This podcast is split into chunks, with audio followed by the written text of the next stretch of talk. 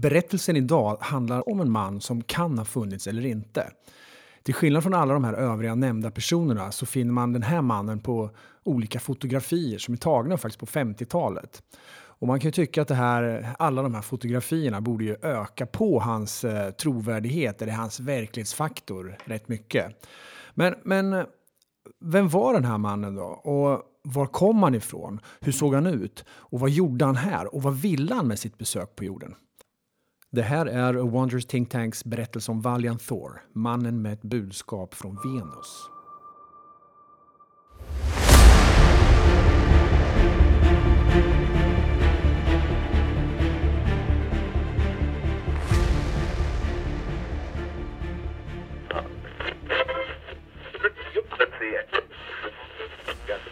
Just idag är jag stark, just idag mår jag bra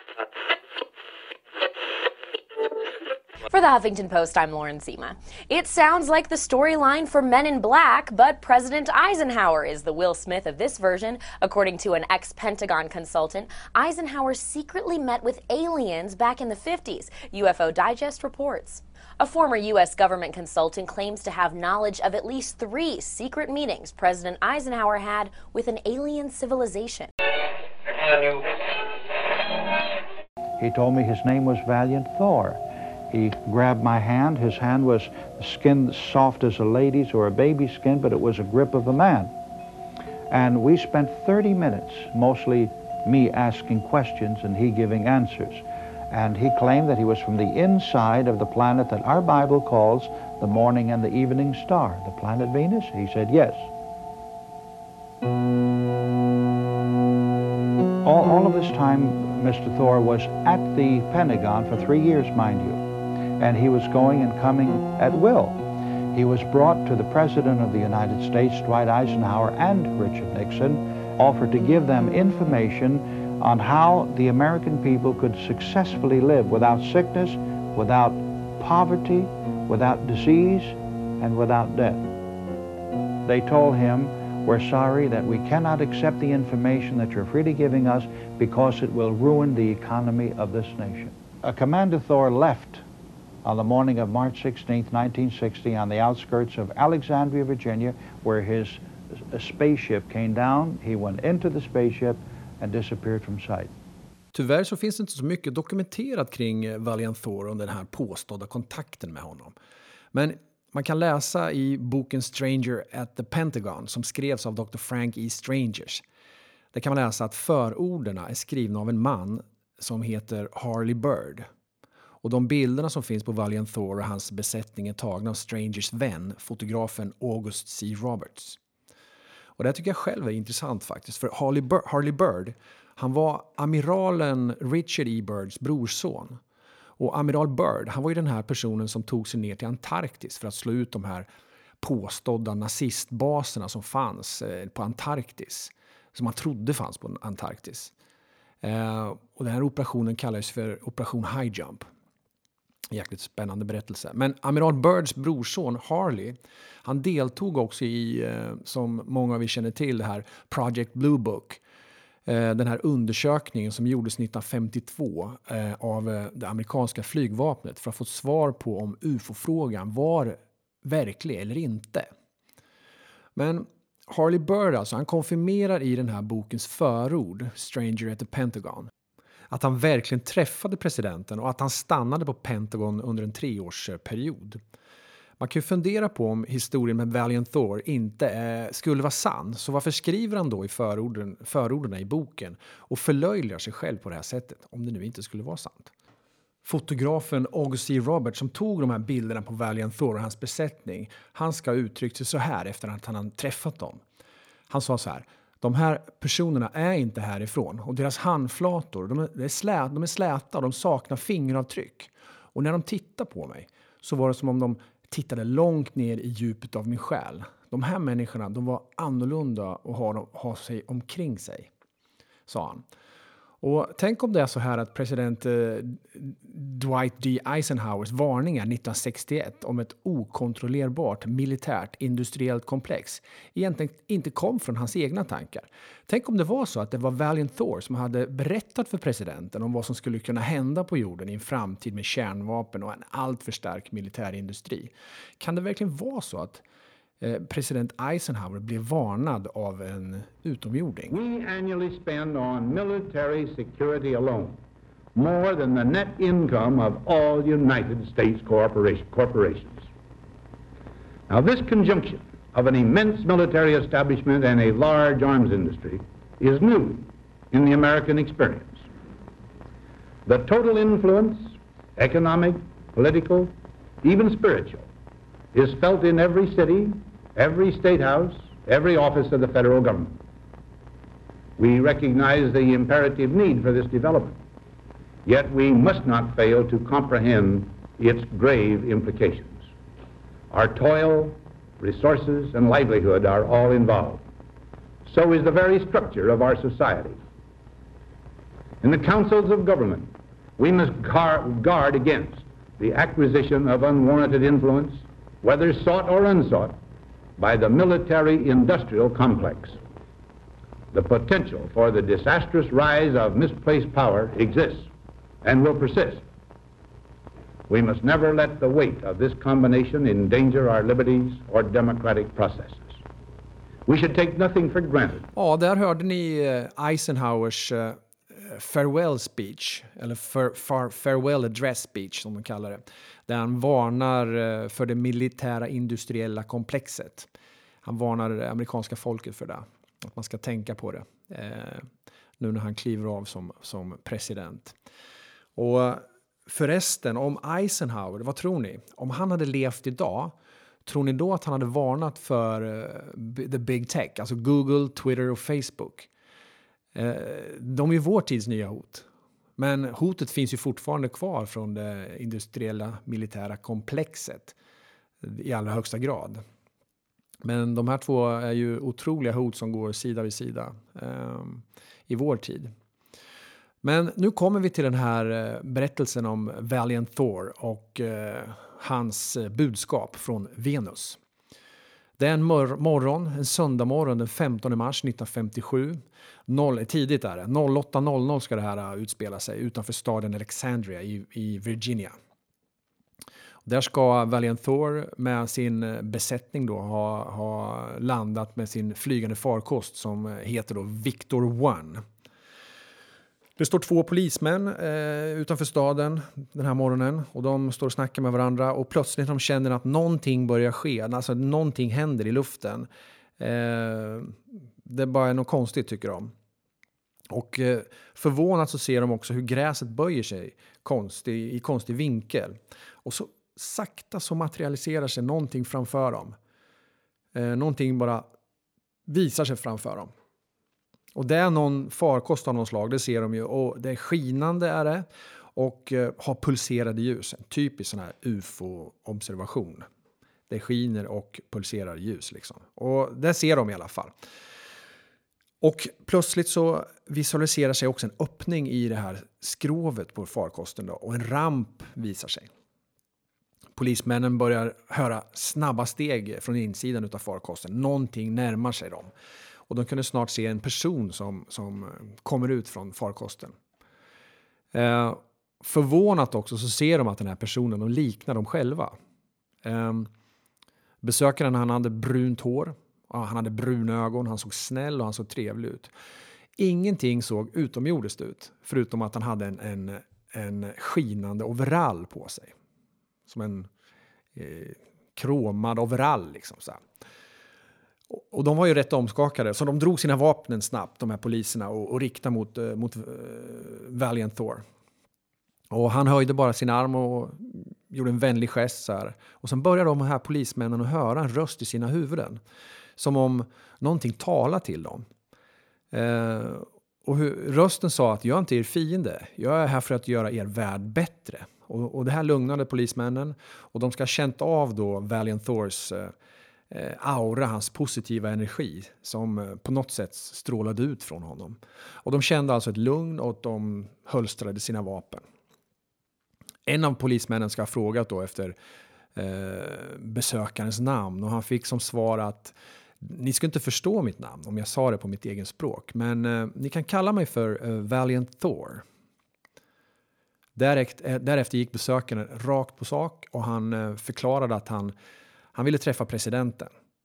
Och efter att ha hört eh, Valiants önskan så eskorterar de här polismännen honom eh, i sin bil till Pentagon. Och det kan man ju också nämna då, vad som i den här historien, alltså de här två polismännen, de har ju aldrig förhörts och man vet inte vilka de är. Man vet inte heller om de har funnits på riktigt.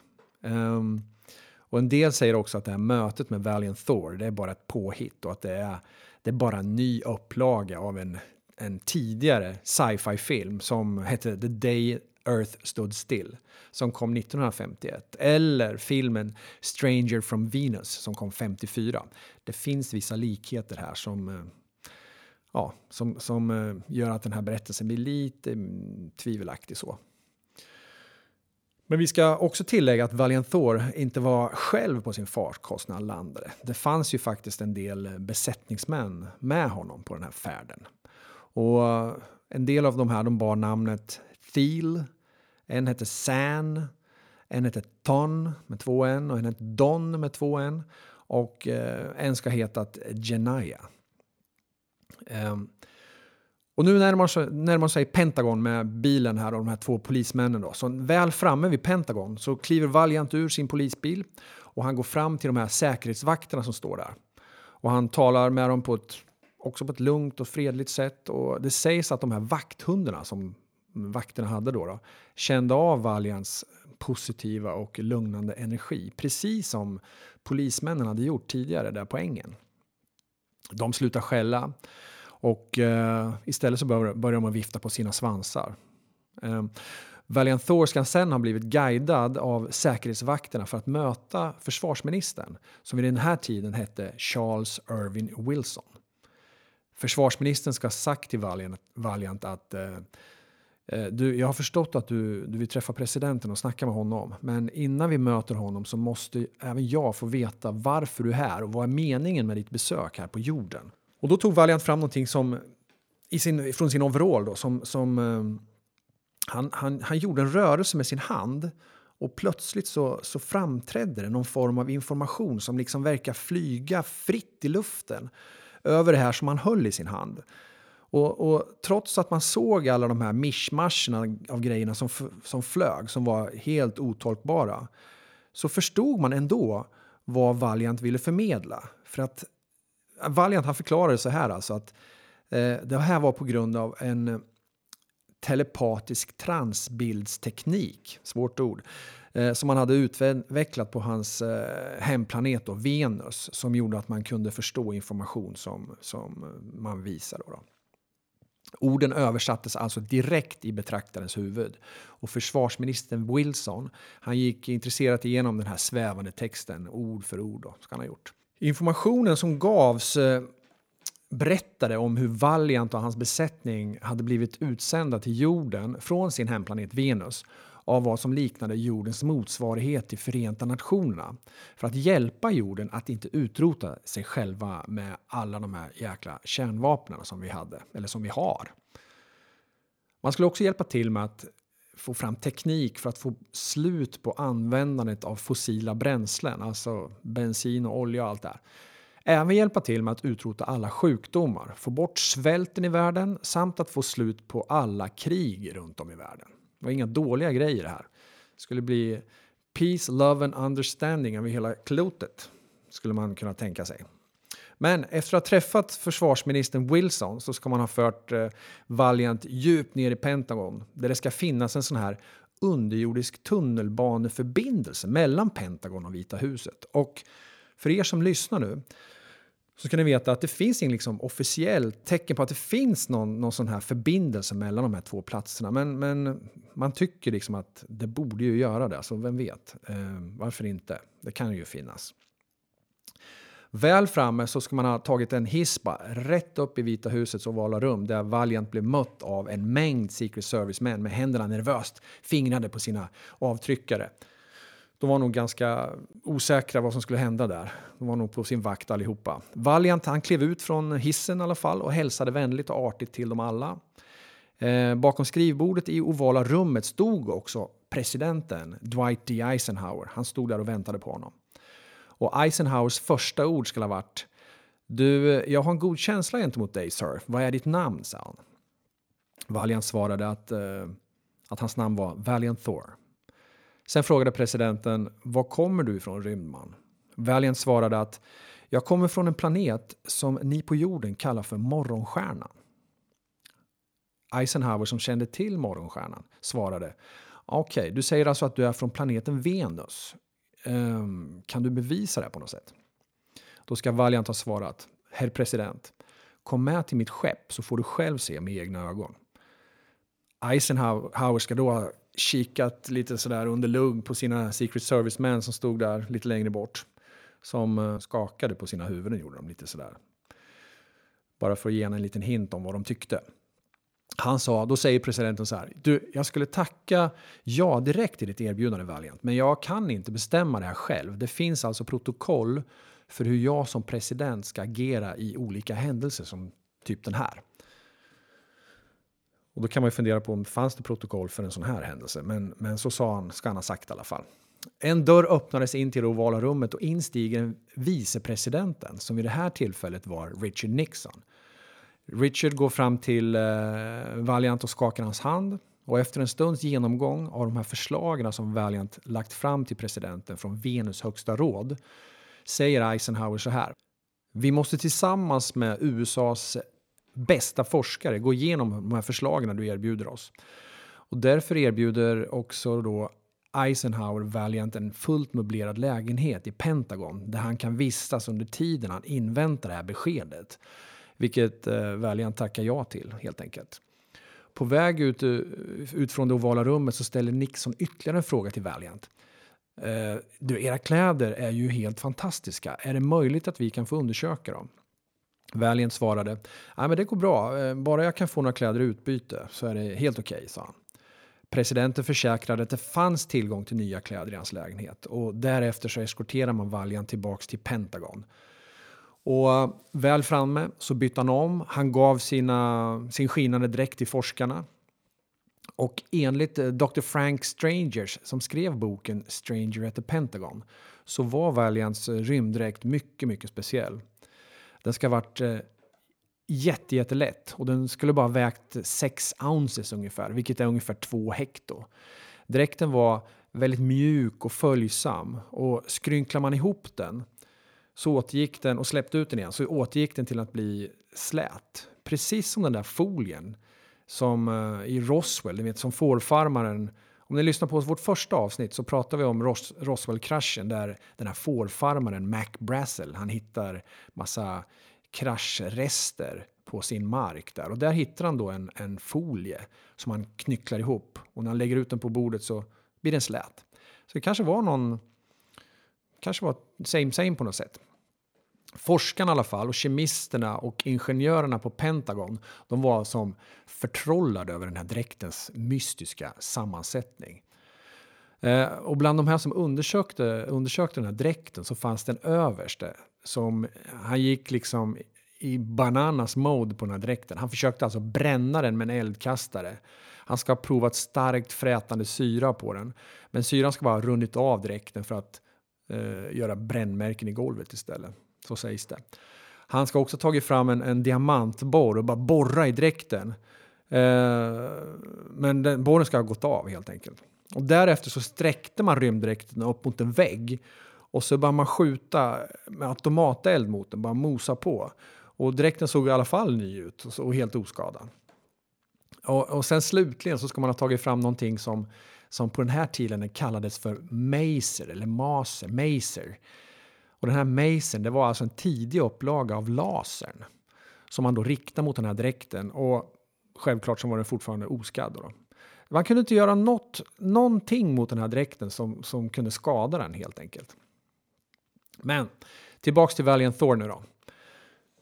Efter en stund när, Valiant hade bytt om i sin lägenhet till en mer jordrik outfit, han fick ju kläder där istället för sin rymddräkt, då blev han kontaktad från sin besättning som befann sig på, fortfarande kvar på, på Victor One-farkosten.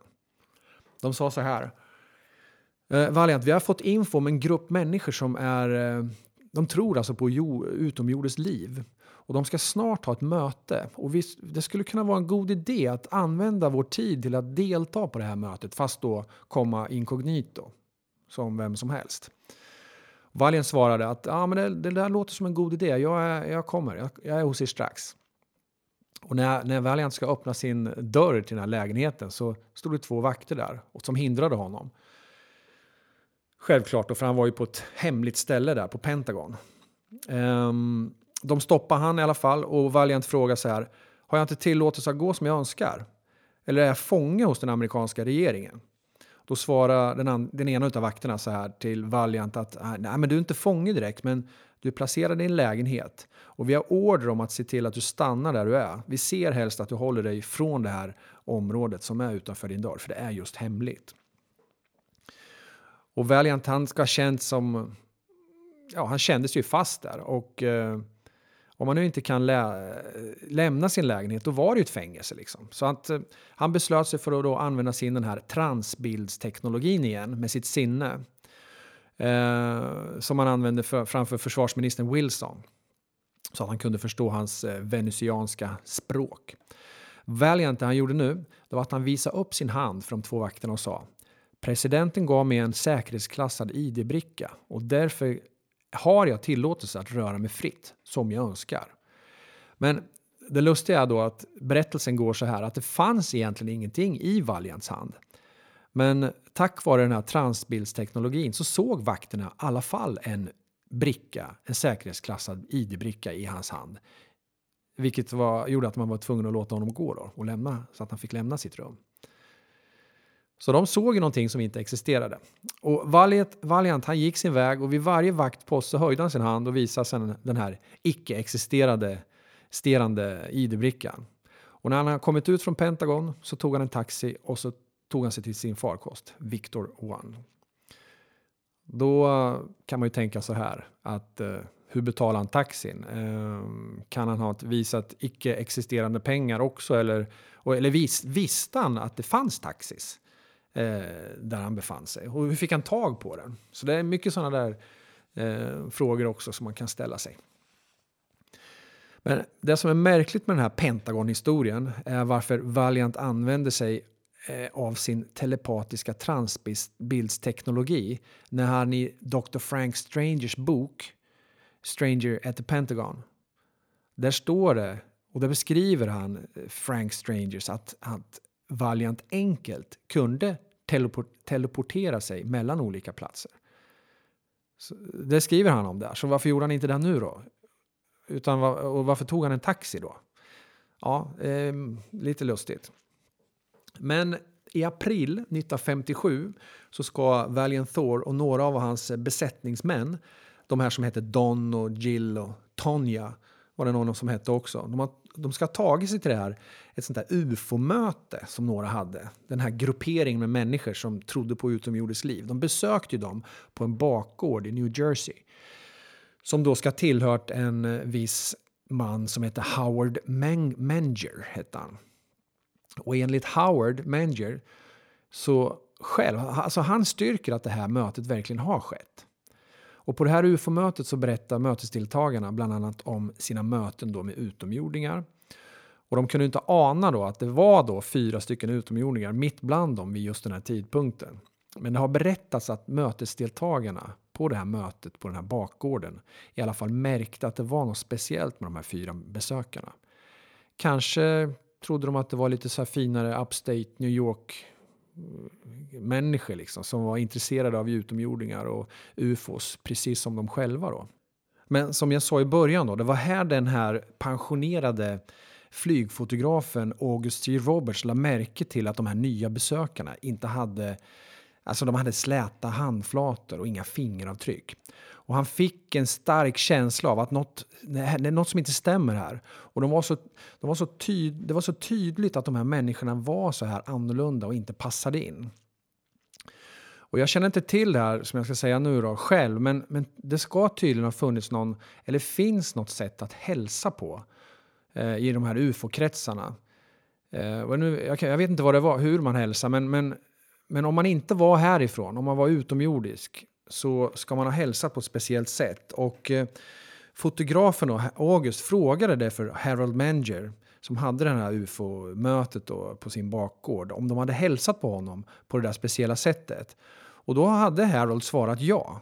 Och tydligen så ville de här besökarna förmedla någonting. Alltså förmedla något att de inte var från den här jorden till honom. Då, Och eh, August, de här, foto, de här fotografierna som han tog, då, det, de finns att se än idag. Och, och många Valiant-troende believers tror ju att eh, alla de här, det här är bevis för att eh, allting det här med Valiant Thor och hans besättning, alltså att de verkligen är sanna.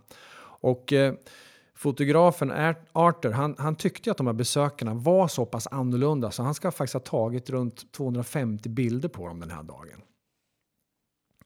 Det konstiga i allt det här är att jag inte har läst någonting om vad som hände efter att Valiant lämnat Pentagon. Det, det borde ha blivit ett jäkla ståhej, liksom, att en utomjording har, har smitit ut från Pentagon. Liksom. Det är ju världshändelse.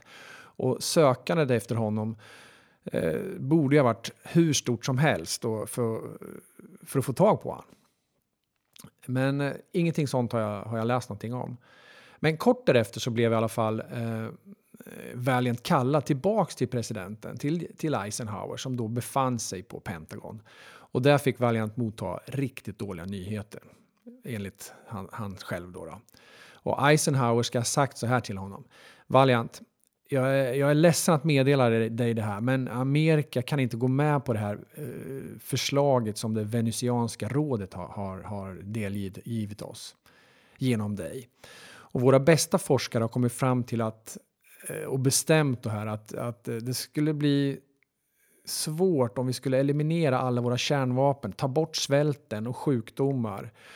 Eh, skulle vi göra det så skulle det bli förödande för Amerikas ekonomi och Amerikas befolkning skulle inte kunna klara av en så här drastisk förändring som det här skulle innebära. Och därför tackar vi nej till, till det här förslaget. Och då ska Valiant ha kikat, tittat på presidenten en aning förvånat över det här svaret och sagt Menar du verkligen att människorna inte ska, här på jorden inte skulle kunna leva utan svält och sjukdomar och fossila bränslen och krig? Valiant märkte att presidenten att han var, han var märkbart obekväm och han såg att han kikade liksom på, på några mörkklädda personer som stod liksom i den andra delen av rummet. Och det var, eh, enligt Valiant så var det här tydligt att det var någon annan som höll i trådarna. Liksom.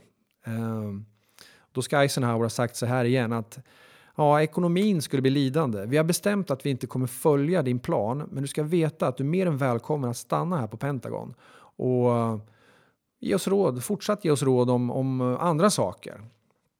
Så där var de intresserade av i alla fall. Eh, och Valiant, som ni förstår, var ju grymt besviken på allt det här. Han hade ju kommit hit med helt andra... Eh, jag trodde att det skulle bli helt andra svar han skulle få. Men han har inte kommit till jorden med bara en plan och därför iscensatte han sin, vi kan kalla det för plan B. Då, då. Han tackar ja till presidentens erbjudande om att få stanna på Pentagon och under tiden så kunde han söka efter en person, tänkte han, som inte stod under regeringens kontroll.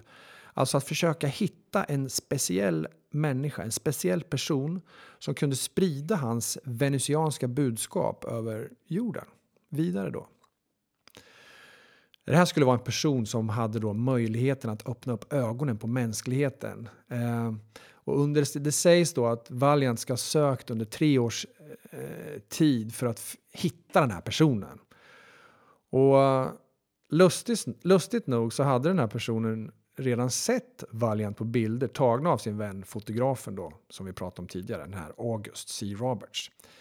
Ni vet han som var med på det här mötet på bakgården som tog de där 250 bilderna. Och personen Valiant hittat var nämligen Dr. Frank E. Strangers. Och som vi sa tidigare också så var det ju han som skrev den här boken A Stranger at the Pentagon som också är huvudkällan till den här berättelsen om Valiant Thor. Jag tänkte så här, vi kan ju gå vidare med att beskriva lite vem den här eh, eh Dr. Frank var, den här Frank E. Strangers som han hette. Eh, vem, vem, var den här mannen då? Det, det, det, sägs att han var mycket öppen och han var en trovärdig, en snäll och genuin man. Eh, Frank eh, han har, han har gått bort nu då, men, men han levde mellan 6 oktober 1927 och 17 november 2008. Så det var inte så där jättelänge sedan han dog faktiskt. Han var en författare, han var forskare, han var ufolog och han hade också examen i krimin kriminologi och teologi och psykologi också. Så han var ju otroligt utbildad på många olika sätt. Frank var också grundaren av eh, en organisation som hette The National Investigations Committee on Unidentified Flying Objects. Eh, långt ord, långt namn. Eh, men Frank han reste runt jorden under resten av sitt liv för att berätta den här historien om Valiant Thor. Och eh, ibland han fyllde så här skitstora arenor. Massor med personer kom för att lyssna till honom. Så han måste ha gjort ett, ett riktigt bra, bra jobb. Men hur, hur möttes de här två personerna? Hur möttes Valiant Thor och Strangers då? Vi vet ju att de, eh, som, vi, som jag sa här alldeles nyss, här, att, att Valiant Thor han skulle leta rätt på en person och det blev den här Dr. Strangers då. då. Men efter att ha avslutat sin senaste föreläsning om sin bok eh, som hette då Flying Saucerama. Och det här skulle ha skett då under julveckan 1959 i eh, Washington DC. Där då ska, ha, ska Dr. Frank då ha suttit och signerat böcker efter en, eh, ja, ett, ett föredrag han hade hållit. Då, då. Och ut ur folkmängden så, så kliver en kvinna framför honom. En väldressad kvinna. Och eh, hon såg ganska allvarlig ut, eh, kan man förstå. Han beskrev henne som en allvarlig kvinna, fast väldigt väldressad. Då. Och Frank tyckte också att hon uppträdde lite så här oroligt, så här, lite nervigt. Så. Nervöst skakande så sträckte hon fram en kopia av boken utav Franks bok så, som hette Flying Saucerama. Så han tog emot boken och skulle signera den självklart. Men då såg han ju att det låg någonting instucket mellan bladen. Och till sin förvåning så såg han att det var en, en ID-bricka från Pentagon. Och han tittade upp på kvinnan som presenterade sig för Frank. Och Frank fortsatt eh, ska kallat den här kvinnan för Nancy Warren för att dölja hennes eh, riktiga identitet. Nancy då, som arbetade på Pentagon sträckte ut sin arm och pekade mot eh, projektorbilden bakom Dr. Frank där det var då en jättestor bild av Valiant Thor. Och det var den bilden som, eh, som eh, August C. Roberts hade tagit av Valiant Thor. Kvinnan sa till Frank att han, han där på bilden, han vill träffa dig och därför kommer jag hämta upp dig imorgon eh, utanför hotellet där du bor klockan 08.00. Och mycket riktigt, dagen efter då kom Nancy med sin bil och eh, punktligt 08.00 så hämtade hon upp Frank och så åkte de till Pentagon. Och bilen fortsatte upp för vägen till en grind och det var ju beväpnade vakter som, som de mötte där. Och Frank han blev lite orolig sådär, men Nancy sa till honom att oroa dig inte. Nu, nu, hon sa så här, nu går vi ur bilen och så går vi bara mot grinden. Och när vi passerar vakterna så pekar du bara på din kavajbröstficka. Allting kommer gå bra Frank, sa hon. På ett lugnt sätt då. Och Frank undrar, vad pekar mot min bröstficka? Um, den är ju tom, tänkte han. Det finns ju ingenting där. Då klev de ur bilen och han gick eh, med Nancy till, eh, till entrén. Och Nancy visade sin ID-bricka för vakterna. Och Frank pekade på sin tomma bröstficka som han blev ombedd. Och vakterna nickade och släppte förbi dem. Och eh, Frank blev sjukt förvånad. Det var som om vakterna verkligen såg ett passerkort i hans bröstficka. Ett passerkort som liksom inte fanns där. Men den här berättelsen också, det kan, min, kan vi ju nämna då att den här berättelsen om hur de passerar den här grinden i Pentagon, den går isär lite när, när Dr. Frank eh, har berättat det på sina olika föredrag. Så ibland då berättar han att han hade det i bröstfickan Och ibland berättar han att han hade liksom på insidan sin kostym och ibland så håller han upp till handen för att visa det här osynliga passerkortet. Då. Precis som, eh, precis som Valiant Thor gjorde när han skulle fly, sin, eh, fly från Pentagon. Um, jag vet inte, men det kanske gör den här berättelsen lite mindre trovärdig. Att han ändrar sig hela tiden sådär. Jag vet inte. Men efter att ha gått eh, i långa så här, vindlande underjordiska gångar så kom han fram till ett rum där det satt tre personer vid skrivmaskiner. Bara satt och skrev sådär. Och Frank sa hej till dem, men han fick liksom ingen respons. Eh, en dörr öppnades och ut från den kommer då Valiant Thor som går emot eh, Dr. Frank. Precis som hans vän fotografen August C. Roberts så beskrev eh, Frank då det här mötet med Valiant Thor eh, sam på samma sätt. Att det var, du vet, ni vet, jag, jag pratade om det här att eh, det var som de såg ner i, i hans själ, liksom, hans inre djup, i hans kropp. Liksom. Och så, så beskrev han det här också, att det var som om Valiant Thor såg in liksom, i djupet av honom på något sätt.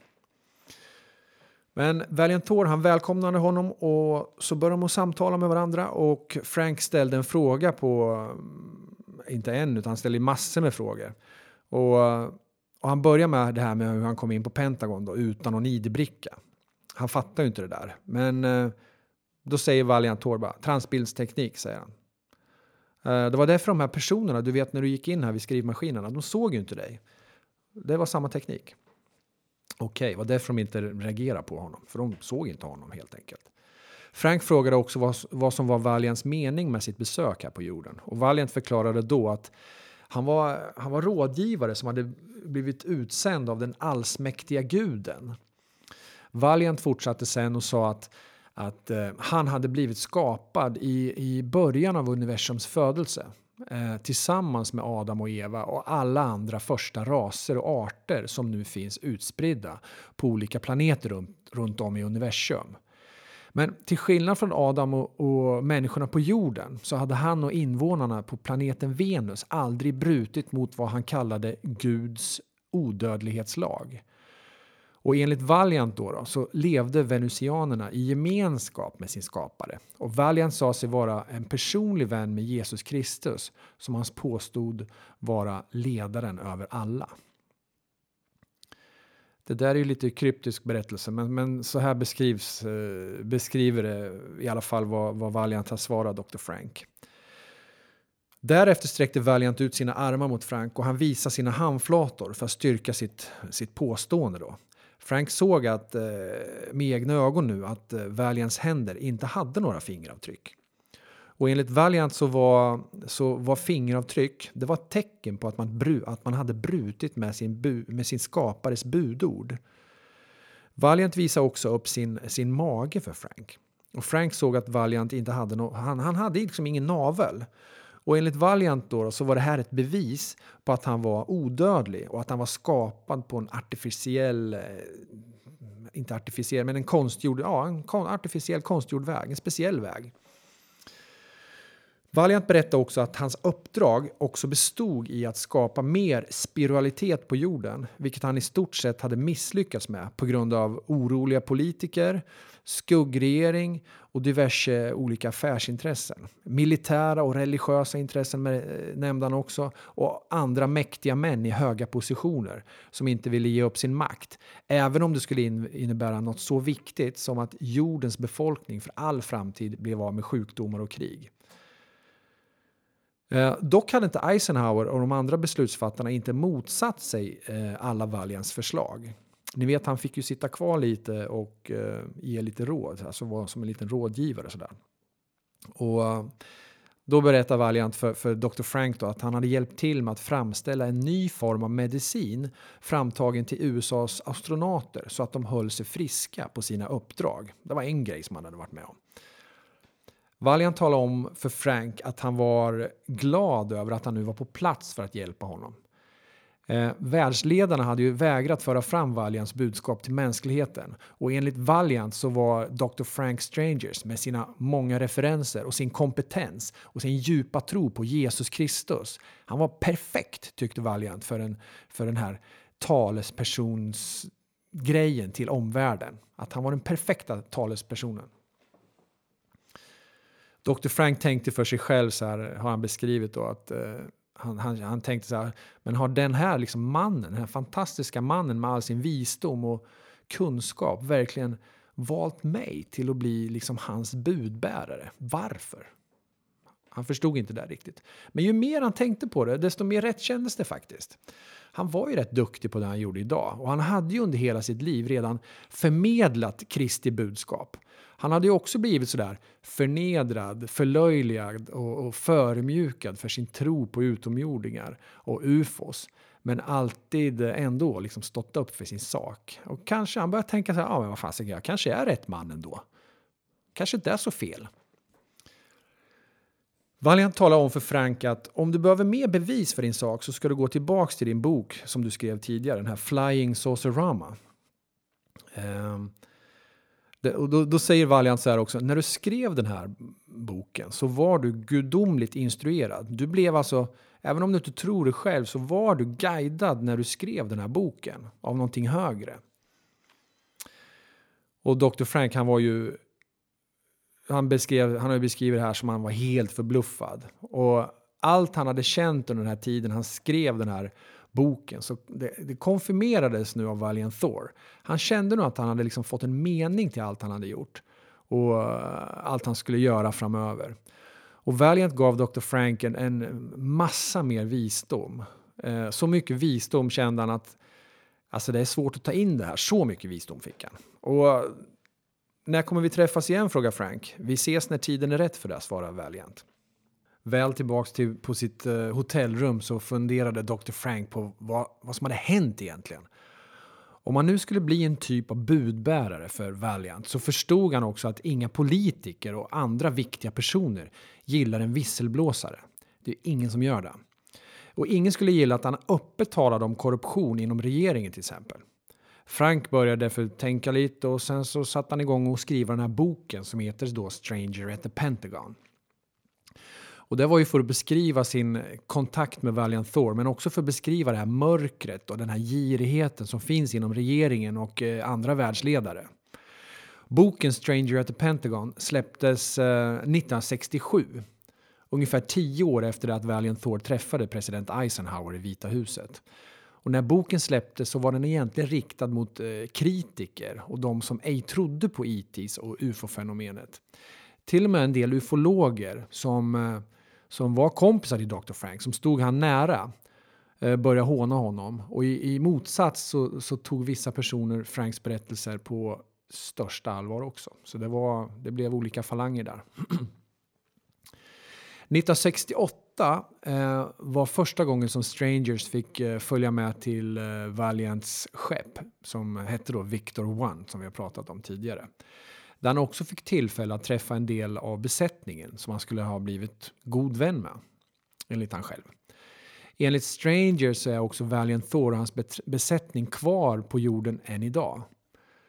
Eh, Valiants skepp ska ju vara stationerat vid Lake Mead, sägs det. Och eh, enligt Frank då så, så, säger han att det ska finnas ungefär 103 stycken eh, reproducerade Victor One-skepp. Eh, som är då stationerade runt om på jorden för, för att övervaka då 287 utvalda platser sägs det. Då. Och varje skepp sägs kunna rymma ungefär runt 200 personer. Så måste det ha varit ganska stora skepp kan jag tänka mig. En fantastisk sak med att vara ombord på det här skeppet, berättar Frank, det var att man, att man verkade bli helad. Så hade du glasögon, behov av glasögon, så behövde du inte dem längre. Hade man eh, någon annan åkomma eller ont någonstans så blev man av med den också. Så eh, bara liksom, av att vara i skeppet så, så verkar du liksom bli föryngrad. Det var liksom en, den var helande på något sätt. Det finns en berättelse som jag hörde där Dr. Frank ska ha ringt upp till sin vän när han är på besök i, i uh, skeppet som Valiant hade. Personen som Dr. Frank, uh, Frank ringt, ringt upp berättade att Frank verkar oerhört pigg och att han lät som han var 25 i telefonen. Men att han i själva verket var 75 när han ringde.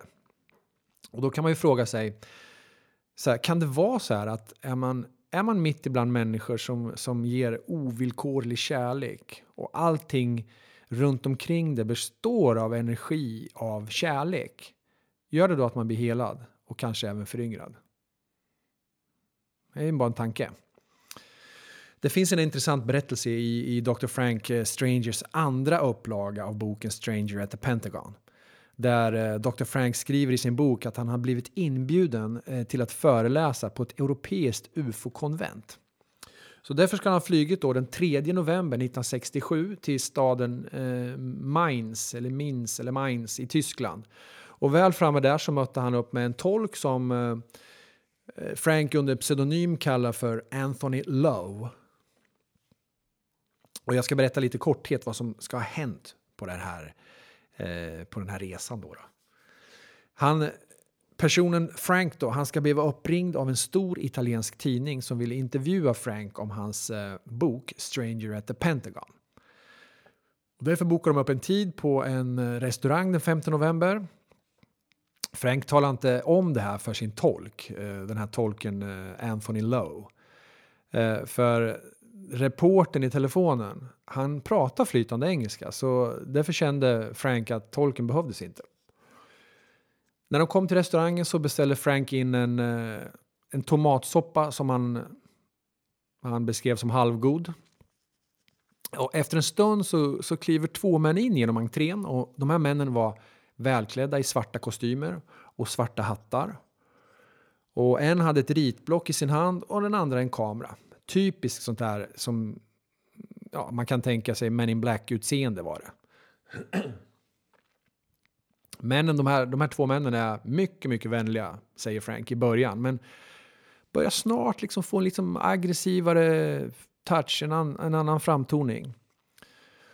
De upprepar, upprepar frågan om var Valiant kan befinna sig. Frank svarar, inte, svarar att han inte vet det. Eh, Frank svarar att det enda han vet är att Valiant ständigt jobbar på sitt uppdrag.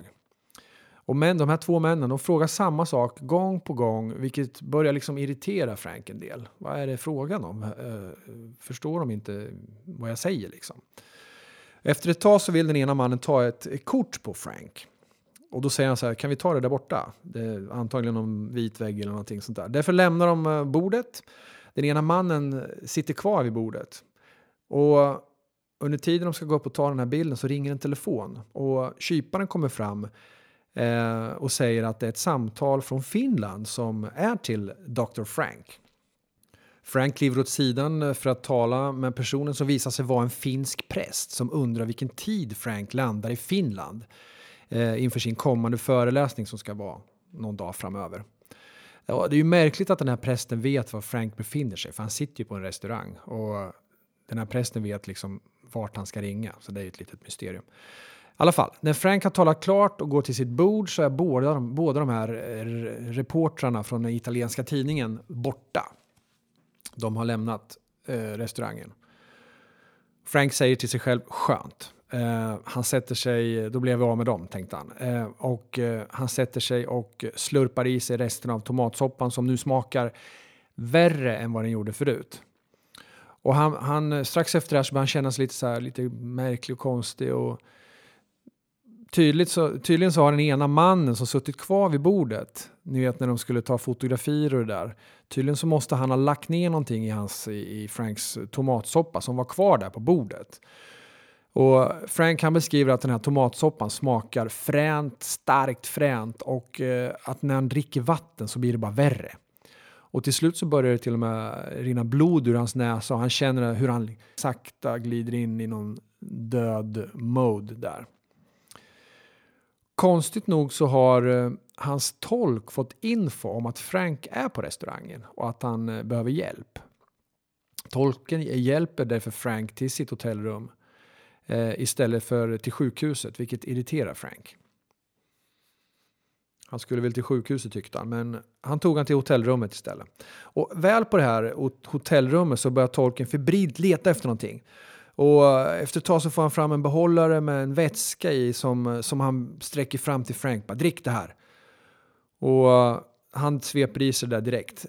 Och innan han somnar in så säger tolken eh, att eh, han fick instruktioner eh, direkt i sitt huvud. Och det var precis som de talade till honom i huvudet som, som gjorde att han kunde blanda, till, liksom blanda ihop olika mediciner och vätskor till det han gav nu till Frank. Då. Um, det var väl någon telepatisk information han fick då, då, kan man tänka sig. När Frank vaknar upp dagen efter så, så ringer Valiant Thor och säger till honom att hur många gånger har jag sagt att du ska vara försiktig med vilka människor du möter? Eh, jag, jag skickade, nu kommer det här med telepatiska meddelandet. Jag skickade ett telepatiskt meddelande till, till din tolk för att hjälpa dig. Tolken fick ett recept på ett motgift. Eh, och Valiant sa till Frank att eh, Men in Black verkligen existerar och att de verkligen tänkte ta livet av dig. Då kan man ju fråga sig om nu Valiant kunde skicka ett telepatiskt meddelande. Varför varnar han inte Valiant direkt istället? Att han inte skulle gå på det där stället då. Men, men man vet ju inte. Det kanske var så att de här Men in Black-människorna, de hade någon block, eh, de kanske kunde blocka någon signal eller ingen aning. Valiant i alla fall, han påpekar också att det var de här två personerna som var på platsen. Ni minns det när han träffade presidenten? När han var lite orolig, han tittade liksom upp bakom Valjans rygg och de, ja, han sneglade på några personer som stod där och där var de här personerna. Så han hade de här Men in Black personerna i det ovala rummet. Det var det som hade gjort presidenten lite orolig, tydligen. Så förklarade Valiant det. Valiant Thor förklarade för Frank att han inte var nöjd med antalet personer Frank nått i sina försök att nå ut till, till, till folket. Därför tyckte Valiant att man skulle börja pro pro producera och publicera fler böcker. Eh, och den här gången så tyckte han att man skulle skriva böcker om, om läror för, från Venus och från venusianerna. Eh, därför skrevs flera böcker av Frank i de här ämnena. Och Frank hävdade att han skrev ett dussintal böcker tillsammans med Valiant Thor. Med titlar som Min vän bortom jorden, Min vän Valiant Thor och Secret Bases of the Inner Earth. Eh, eller en annan hette Secret for Living from, from the Great Pyramid med mera. Det finns mera böcker, olika namn. Men det var tre i alla fall.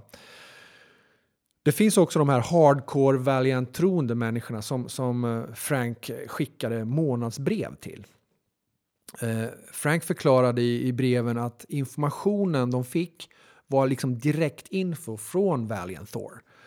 Och visdomen de fick ta del av gav dem en eh, världsbild bland, blandad av religiositet, eh, universell new age vibrationsfilosofi och utomjordiskt dyrkande. De flesta av medlemmarna trodde att det skulle hjälpa dem att leva ett bättre liv genom att få den här informationen. Och vissa av dem svor på att de har varit ombord på Valiants skepp också, det här Victor One-skeppet. Och andra svor också på att de hade kommunicerat direkt med Valiant och så vidare. Men en av de här följarna hette, eller heter, för han lever, eh, han heter Craig Compobasso. Och Craig han är alltså en, en Emmy-nominerad filmskapare och eh, en skådespelarcoach typ. Och han, han jobbar alltså med de här stora filmskaparna som Spielberg med mera. Craig Compobasso, alltså han var ju jätteinspirerad av Franks bok Stranger at the Pentagon. Och det finns en eh, intervju med honom eh, där George Norrie eh, som är känd från Gaia och Contact in the Desert. Han intervjuar Craig Compobasso. Och eh, det här är en ganska intressant intervju, men vi kan väl lyssna lite på eh, vad Craig säger om sitt eh, första möte med Dr. Frank. Lyssna här. I met Dr. Strangers in, uh, I believe uh, it was early 2002, and we became friends. And uh, just over a course of time, he told me, you know, there were many stops and starts to get it made into a movie, and somebody had called and wanted to make it into a movie.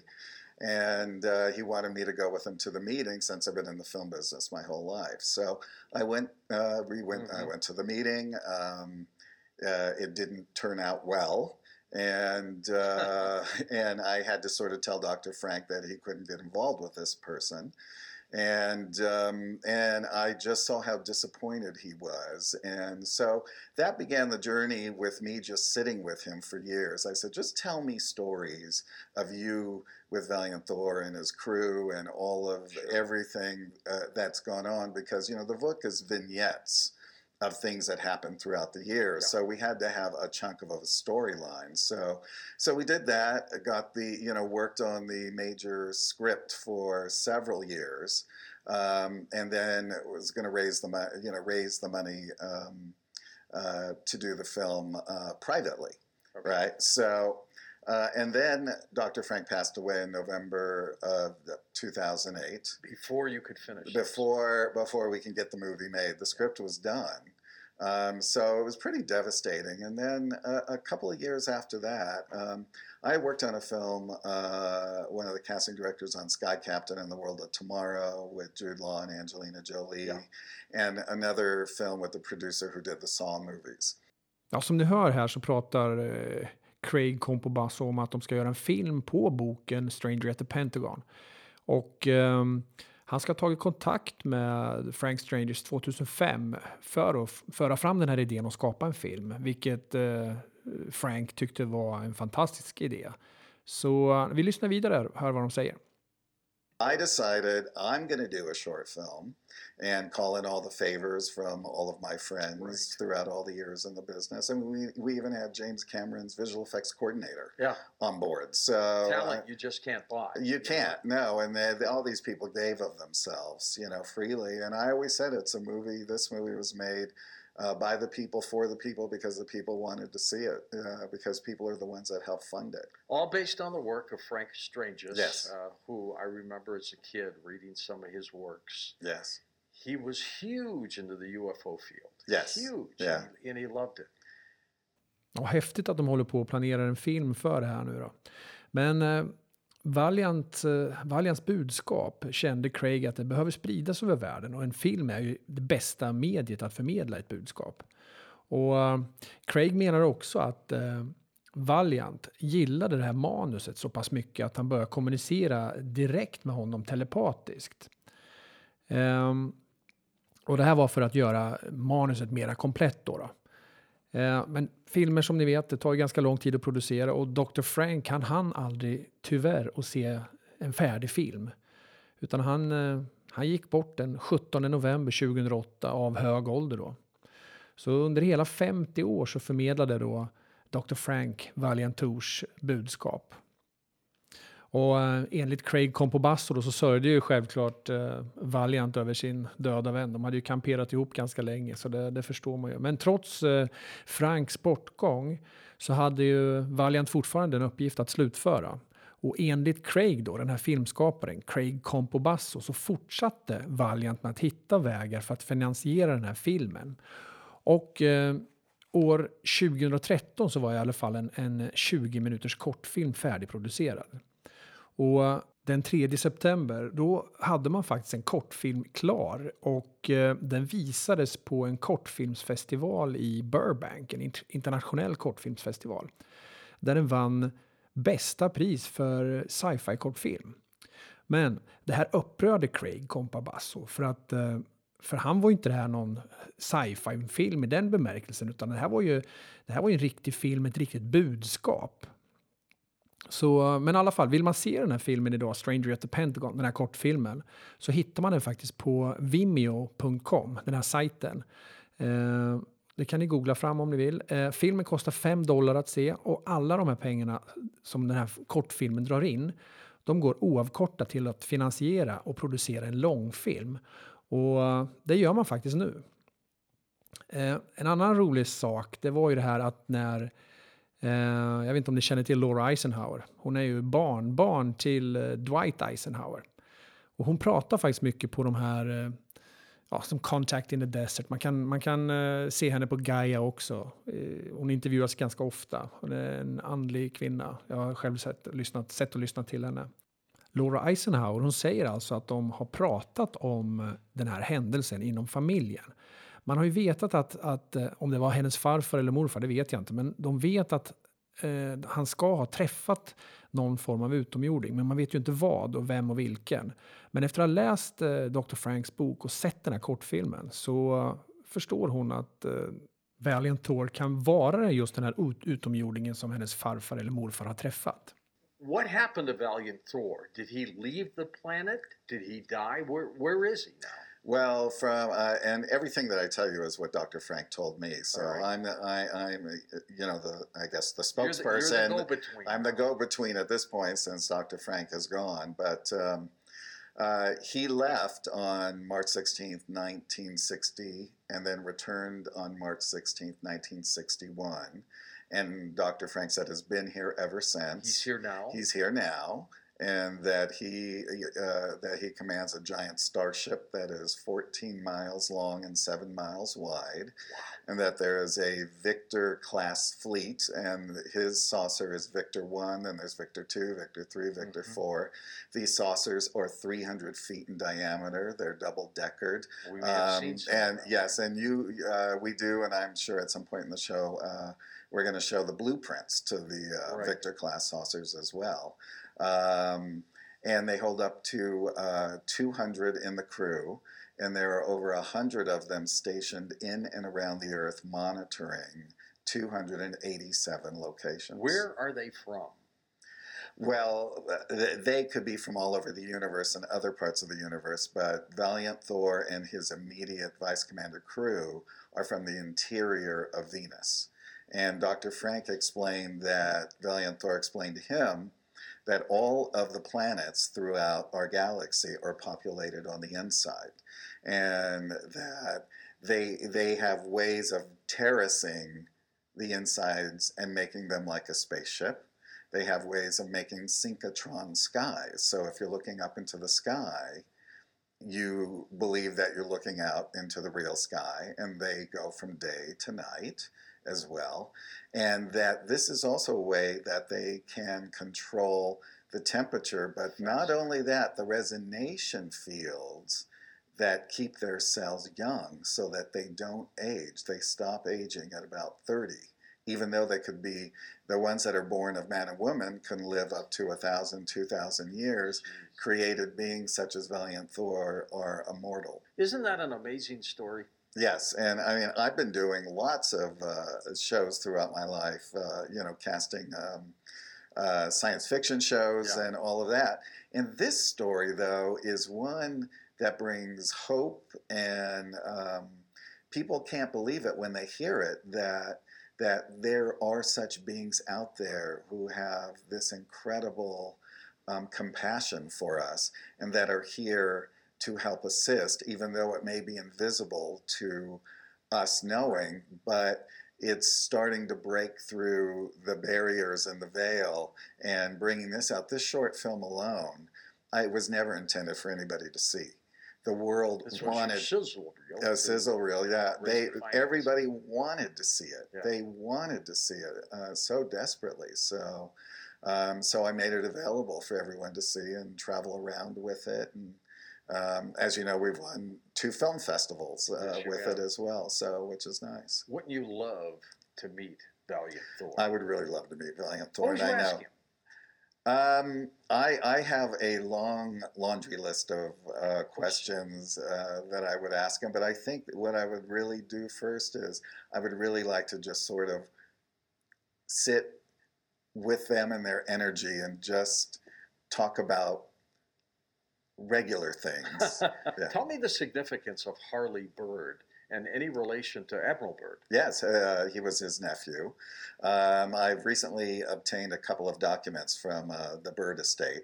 Uh, the first one is a letter written by Admiral Richard Byrd to Rear Admiral Daniel Smith, who was uh, the Chief Naval Operations Officer over at the Pentagon for the Department of Defense. CNO. Yeah, and he uh, wrote a letter to him. Uh, Harley, at that time, he was recently married in 56. He had a baby on the way, and he needed a real job. So he um, uh, he was in the um, oh the, the what do you call it the guard um, Reserves. Yes, thank you. And um, so, anyway, he wrote a letter, and uh, then he started working for the Department of Defense in '57, which is at the time the Valiant Thor was there. Mhm. And uh, anyway, and the other document is that I have is his honorable discharge papers, which um, show that he was, uh, uh, um, among many other titles, special assignment officer. as well there for the Department of Defense. So- put him in charge? Tror ni att den här historien med Valiant Thor är, är påhittad rakt av? Eller finns det någon uns av sanning? Eller kan den vara sann? Om det inte är sant, vilka är de här personerna på bilderna som Dr. Frank Strangers vän, fotografen August C. Roberts tog? Är det Valiant Thor och hans besättning på bilderna? Eller är det som en del tror? En del tror ju faktiskt att det här kan vara bilder på, på Dr. Frank Strangers själv när han är ung. På de här bilderna. Att han har tagit det på sig själv tydligen. När han börjar tala om, eh, om just Valiant Thor och hans eh, budskap till, till jorden så hade ju han blivit äldre och han hade ju lagt på sig några kilo så att han hade ju ändrat sitt utseende eh, betydligt. Men eh, tydligen så finns det en del som säger så här att det finns vissa likheter mellan de här bilderna som fotografen tog då och eh, på Valiant Thor och Frank som han var när han var ung. Så det är ju lite, en liten slamkrypare där. Man vet inte riktigt. Uh, och sen är det det här med att uh, Valiant, han sa ju att han hade åkt ett underjordiskt tåg från Pentagon till Vita huset. Och det, det borde ju vi veta idag egentligen. Och vi, vi, det är ju 60 år senare så då kanske man tycker att man borde ha fått reda på det. Men uh, info som vi, det finns idag ute så talar det om att det finns inte något underjordiskt tåg. Finns, det existerar inte något sånt mellan Pentagon och Vita huset. Så, men som jag sa tidigare också i början på berättelsen så, så tycker man ju att det skulle behöva göra det. Varför inte liksom? Det hade väl varit skitbra. Ha en connection mellan presidenten, eh, liksom de inre rummen och eh, Pentagon. Det låter som en självklarhet kan jag tycka. Dr. Frank sa också uh, i, i flera av sina föreläsningar att de här venusianerna hade sex fingrar och sex tår. Så ska han ha sagt. Ibland. Det här hör ju ihop med att han ändrar sig liksom sin berättelse lite ibland. Då. Men ser man på bilderna, de här som eh, fotografen och den här Arthur tog då, C. August, eh, så ser man ju tydligt att Valiant på de bilderna har fem fingrar. Så är, är, det, är det då inte Valiant på bilderna man ser? Jag vet inte. Och på, på en av de här bilderna så håller, det är en bild han står lite så här framåtlutad och då ser man att han har en dagstidning i, i handen. Och då kan man se lite så här, man, man kan se lite siffror i tidningen och det står 33 7 liksom, 33-7. Och den 18 november 1956 så spelade New York Giants mot eh, Washington Redskins. Och den här matchen slutade 33-7. Och den här poängen, 33-7, har inga andra matcher haft under hela 1956. Vilket gör att bilden på den här så kallade Valiant Thor är tagen fyra månader innan han landar framför de här poliserna på den här ängen. Då, då. Så det är också konstigt. För han håller ju verkligen i den här tidningen och man kan liksom se att det står de här siffrorna där. Det är lite intressant. Och sen kan man ju tycka så här att det är bara lustigt att bara hans namn heter är Strangers, Strangers. När allting är så strange liksom. Bara, bara det. Men och om nu Valiant Thor vill sprida sitt budskap om han, att, att, att han nu är en odödlig varelse, så varför finns det då endast några gamla foton från 50-talet? Um, ehm, det borde ju vara rätt intressant för hans liksom, uppdrag att visa upp helt nya bilder, fräscha bilder från nutiden. Liksom. Det är också en märklig grej. Tycker ni att trovärdigheten i berättelsen sjunker om ni också får höra att Dr. Frank sattes eh, i fängelse 1963 för bedrägeri? Och tycker ni att det är ännu svårare att tro på den här berättelsen när man också får höra att han, han eh, blev dömd och satt i fängelse för en, en andra, även en andra gång för drogsmuggling? Och eh, nu sa ju Frank att han var oskyldig och han blev senare friad eh, för de här brotten. Men, men var han en lögnare som diktat ihop en historia rakt av? Ja, det är svårt, svårt att veta. Eller, eller kan det vara så här då, att han blev framed eller att han blev ditsatt medvetet av eh, olika personer för att just skada hans trovärdighet för allmänheten? Det är också, en, det är också spännande. Men om nu Valiant Thor aldrig existerat, varför säger då Paul Hellier, vet ni vem Paul Hellier är? Um, Paul Hellier, han är ju en, en före detta försvarsminister i Kanada. Och uh, han pratar ju jättemycket om, om ETs och aliens, att det här är, uh, det, det, är en sanning allt det här. Och även den här berättelsen styrker han, att den här Valiant Thor-historien, den, den säger han är sann. Um, och amiral Richard E. Birds brorson, den här som vi, tog, vi pratade om tidigare, som heter Harley Bird, han som var med i Project Blue Book. Han vidhåller ju också att det här med Valiant Thor är sant, att det är verkligt. Det finns också flera Secret Service-män och även CIA-män från den här tiden som styrker den här berättelsen om Valiant Thor. Så ja, det är lite sådär, jag vet inte riktigt vad man ska tro om, om, om allt det här. För det är både påhittat som man kan tycka är bara lite så här film, eh, taget från filmer och grejer. Och sen så är det eh, trovärdiga människor som säger andra som säger precis tvärtom, att det är sant. Liksom. Så jag vet inte vad man ska tro. Men den 16 eh, mars 1960 så ska Valiant Thor ha lämnat jorden i alla fall, enligt eh, Frank Strangers. Och ett år senare, exakt ett år senare, 16 mars 1961, så kom Valiant Thor tillbaks till jorden. Och enligt Dr. Strangers så, Strangers så ska Valiant Thor då plötsligt ha materialiserat sig i baksätet på hans bil när han var ute och körde. Om nu den här historien med Valiant Thor stämmer så kan ju faktiskt eh, han gå bland oss idag. Valentor Thor kan ju faktiskt leva idag eftersom ingen vet ju hur länge en utomjording kan leva. Och eh, som Valian sa själv, han var ju odödlig. Så kanske han går bland oss än idag.